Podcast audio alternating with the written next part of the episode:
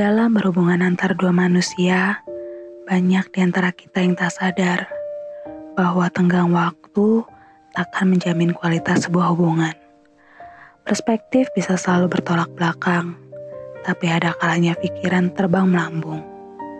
Saat itu, kita ngerasa memiliki tubuh, tapi tak sepenuhnya jiwa kita utuh. Pada jarak terbentang jurang pembatas yang jauh dan dalam, terasa sepi dan sunyi, tempat pelarian kita membunuh waktu dan kesendirian.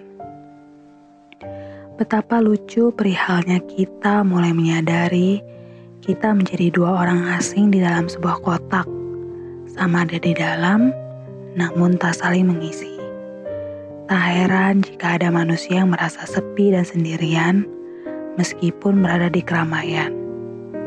Perlahan, kesepian mencabik, mengkoyak, menghujam dari dalam.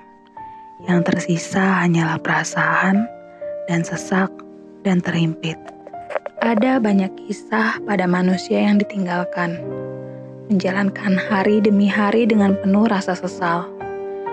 Ingin marah, berteriak, mana mungkin aku bisa hidup tanpanya. Dan hanya bisa mengharap seandainya mereka punya lebih baik waktu, lebih merasa kita mampu menelisik lebih dalam, lebih dari sebuah keterhubungan mengerti bahwa kita adalah titik tengahnya. Bukan waktu, apalagi kesempatan, sebab waktu yang kita miliki itu takkan cukup.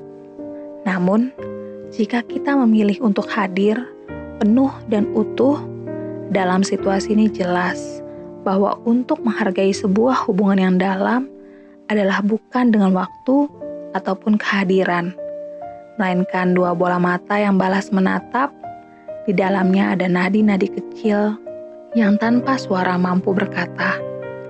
Tatapan yang saling menatap itu adalah pesan tanpa tinta, sungai dan muara. Melalui itu, aku tahu kau hadir dalamku, utuh dan ada.